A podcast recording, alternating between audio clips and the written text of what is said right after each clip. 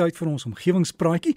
Kom ons sluit aan by Dr. Roan Stein van Noordwes Universiteit en hou die wêreld groen. Hallo Roan. Goeiemôre Derrick en 'n goeiemôre aan jou wat uh, vanoggend hier ingeskakel is.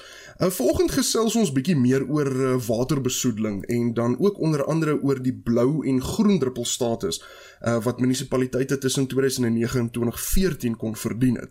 Nou ongelukkig het die program wat hierdie status toeken uh, tot 'n munisipaliteit tot 'n skielike stilstand gekom en ons gaan 'n bietjie gesels oor van die redes waarom dit gebeur het en dat dit baie belangrik is dat dit wel weer ingestel word maar miskien nou op 'n ander manier. So eerstens kom ons kyk 'n bietjie na water in Suid-Afrika. So Suid-Afrika, soos meeste van ons weet, is maar per definisie 'n waterskaars land wat beteken dat elke druppel water belangrik is en onder geen omstandighede gemors behoort te word nie. Uh, ons almal het geleer van kleins af en kinders vandag nog leer dat jy maak 'n kraan behoorlik toe of jy rapporteer 'n druppende kraan dadelik en dan die mense wat in beheer is het dan 'n baie belangrike verantwoordelikheid wat nie geïgnoreer kan word nie om daardie kraan reg te maak. Nou met die vreeslike droogtes wat ons omlangs nie te lank terug nie um, in die Wes-Kaap gesien het, het ons gesien hoe die Wes-Kaapse regering oorlog verklaar het teen druppende krane en hoe dit 'n baie goeie ding was want hulle het uh kiloliters water gespaar in daardie proses om daai dag 0 so ver as moontlik uit te skuif.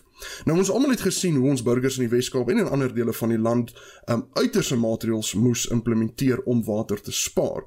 En nie net het burgers die verantwoordelikheid um, om water te spaar nie, maar groot besighede um wat in die industriële gebiede voorkom, myne, kragstasies um het 'n groot verantwoordelikheid om water te spaar en daar word maatreëls geïmplementeer om seker te maak dat die water wat hulle gebruik, um, word of weer gebruik of eers skoon gemaak voordat dit nou weer in 'n netwerk ingepomp word. En dit bring ons na die kwaliteit van water toe in Suid-Afrika. Um, ek dink ek praat vir elke Suid-Afrikaner as ek sê dat die kwaliteit van water was nog altyd 'n groot prioriteit gewees vir Suid-Afrikaanse burgers. Ongelukkig wat ons nou gesien het is daar was 'n geweldige afname in die kwaliteit van water um, in die afgelope 2 dekades. Nou mense vertrou eenvoudig net nie meer die kwaliteit van kraanwater nie en dus word dan dan nou in meeste huise 'n tipe van 'n waterfiltreringsstelsel geïnstalleer um, om die drinkwater dan nou skoner te maak. Nou die probleem is dat uh, nie almal kan filtreringsstelsels bekostig nie en dan raak mense siek van vuil water. Nou vuil water is nie kinderspeletjies nie. Ek was geskok om te hoor hoeveel mense word siek van vuil water. Um ek het onlangs 'n interessante artikel gelees wat gepubliseer is in die bekende uh, Lancet akademiese uh, joernaal wat wys dat wêreldwyd is 1.8 miljoen mense dood in 2015 as gevolg van vuil water. Dit is absoluut skokkend. Nou daardie stelling sê vir ons 'n paar dinge. Maar ek dink dit wat dit wat ek dadelik raak gesien het wat ek nou noem is dat daar word definitief nie genoeg aandag gegee word uh, daar word definitief nie genoeg aandag gegee aan vuil water nie en dat uh, dit nie net 'n Suid-Afrikaanse probleem is nie. En weer eens as ons na statistiek kyk wêreldwyd word 1 biljoen mense, dis met 'n B, biljoen mense siek elke jaar as 'n direkte gevolg van vuil water. So ons sien waterbesoedeling is 'n deel van ons omgewing wat baie ernstig opgeneem moet word, baie ernstiger as wat die wêreld tans daarna kyk. En daar is natuurlik baie redes waarom water besoedel word. Grondwater word besoedel as gevolg van plaagdoders wat na onder insyfer nadat dit gereën het en dan word dit deur uh, daardie grondwater weer opgepomp na die oppervlak waar dit dan weer gebruik word uh ander gevalle Rowry wil word in riviere ingepomp. Dis 'n baie hartseer verhaal wat ons sien in Suid-Afrika. Die see wat besoedel word deur olietankers wat beskadig word of dalk sink of net die bloot enorme hoeveelheid plastiek wat ons in die see sien dryf. Nou daar is baie redes, maar die feit bly ons weet ons moet beter kyk na die kwaliteit van ons drinkwater. Nou om hierdie reg te kry in Suid-Afrika, het die departement van water en sanitasie 'n um, baie goeie inisiatief 'n projek begin en geloods om die kwaliteit van water in elke munisipaliteit te beoordeel en dan 'n status toe te ken. Nou dit is nou die blou en groen druppel status uh, wat, ek nou vroeër van gepraat het. Die blou druppel sertifiserings kyk uh, spesifiek na water wat uit die kraan uitkom of dit goed genoeg is vir mense om te drink en dan die groen druppel sertifisering kyk spesifiek na afvalwater en verwerking van rioolwater. Nou die rede waarom dit so belangrik is om na die groen druppel status te kyk is omdat Suid-Afrika het 'n geslote stelsel as dit ware. Rioolwater word skoongemaak en verwerk om dan weer in die rivier ingepomp te word en dan weer gebruik te word wat dan nou aan die einde van die kraan weer by jou kraan uitkom wat wat jy dan nou weer drink.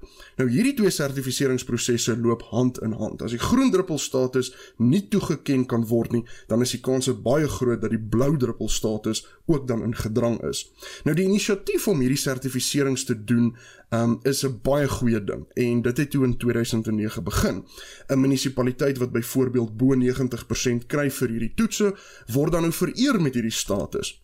En dit sê vir die publiek wat se munisipaliteite ehm um, gevier moet word en waar moet daar meer aandag gegee word ehm um, sodat die standaarde gelig kan word.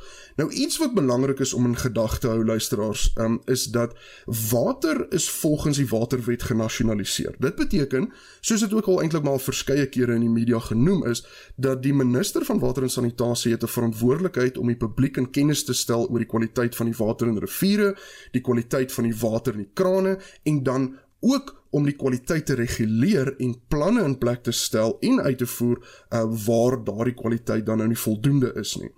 En dit is nou ongelukkig waar daar 'n probleem ingekom het Derek. As um, is dat omdat die waterkwaliteit drasties afgeneem het, het die departement van water en sanitasie opgehou om die verslae uit te reik wat die blou en groen druppel status toeken. So wat nou gebeur is dat water en sanitasie is besig om speler en skynsregter te speel. So hulle is besig ehm um, so hulle was besig om die wedstryd te verloor en toe neem hulle die skynsregter ook weg. Ehm um, uit die aard van die saak is dit nou nie 'n goeie ding nie. Wat nou wel gebeur het is dat burgerregte organisasies het hierdie rol oorgeneem. Basies elke jaar 'n verslag aan die publiek gegee wat die kwaliteit van water deurgee. So die groot vraag is wat staan ons nou te doen om ons omgewing te red en waterbesoedeling um minder te maak en dan ook so ons eie gesondheid te red. So daar is baie maniere om hierdie te hanteer. Maar ek dink baie mense sou voorstel en ek stem saam daarmee is dat as jy onseker is oor jou waterkwaliteit, probeer maar om 'n waterfiltreringsstelsel te installeer. Baie belangrik. En dan tweedens, ons moet druk toepas dat die blou en groen druppelstatus weer jaarliks uitgereik word, maar nie deur die departement van water en sanitasie nie. Ek persoonlik dink en daar's baie mense wat saamstem is dat uh, die hele blou en groen druppel status toekenning was 'n baie baie goeie inisiatief van die departement, maar as gevolg van 'n klomp redes word daai verslag nie meer uitgereik nie en dit behoort eintlik nog steeds uitgereik te word. Maar wat ons nou sê is dat miskien is dit beter dat daar 'n onafhanklike raad is wat elke jaar hierdie verslag publiseer sodat dan sodat dit dan oorhandig kan word aan die departement sodat hulle dan nou weer op hulle beurt die probleme kan uitsorteer. As hulle dit doen, dan is dit baie goeie nuus. As hulle dit nie doen nie, dan skop daar natuurlik weer 'n stel reëls in om dit dan nou weer um, te hanteer. So ten slotte Derek, ek dink um, ons moet organisasies ondersteun wat wel onafhanklik hierdie statusse publiseer en ons moet daarop aandring in elke liewe munisipaliteit om skoon water te hê. Want die voorsiening van skoon water is nie soos wat hulle in Engels sê rocket science nie. Die tegnologie is daar, die die die infrastruktuur is daar, die wetenskap is daar, dit moet eintlik maar net eenvoudig gedoen word. So ons moet druk toepas sodat ons die skoon water kan kry wat ons verdien. You go, you go soos hulle sê, Roan Stein met die omgewingspraatjies, jy moet aandring op skoon water. Nee, dis dis jou absolute reg en uh, is ook goed vir jou gesondheid. En drink water, is baie goed vir jou.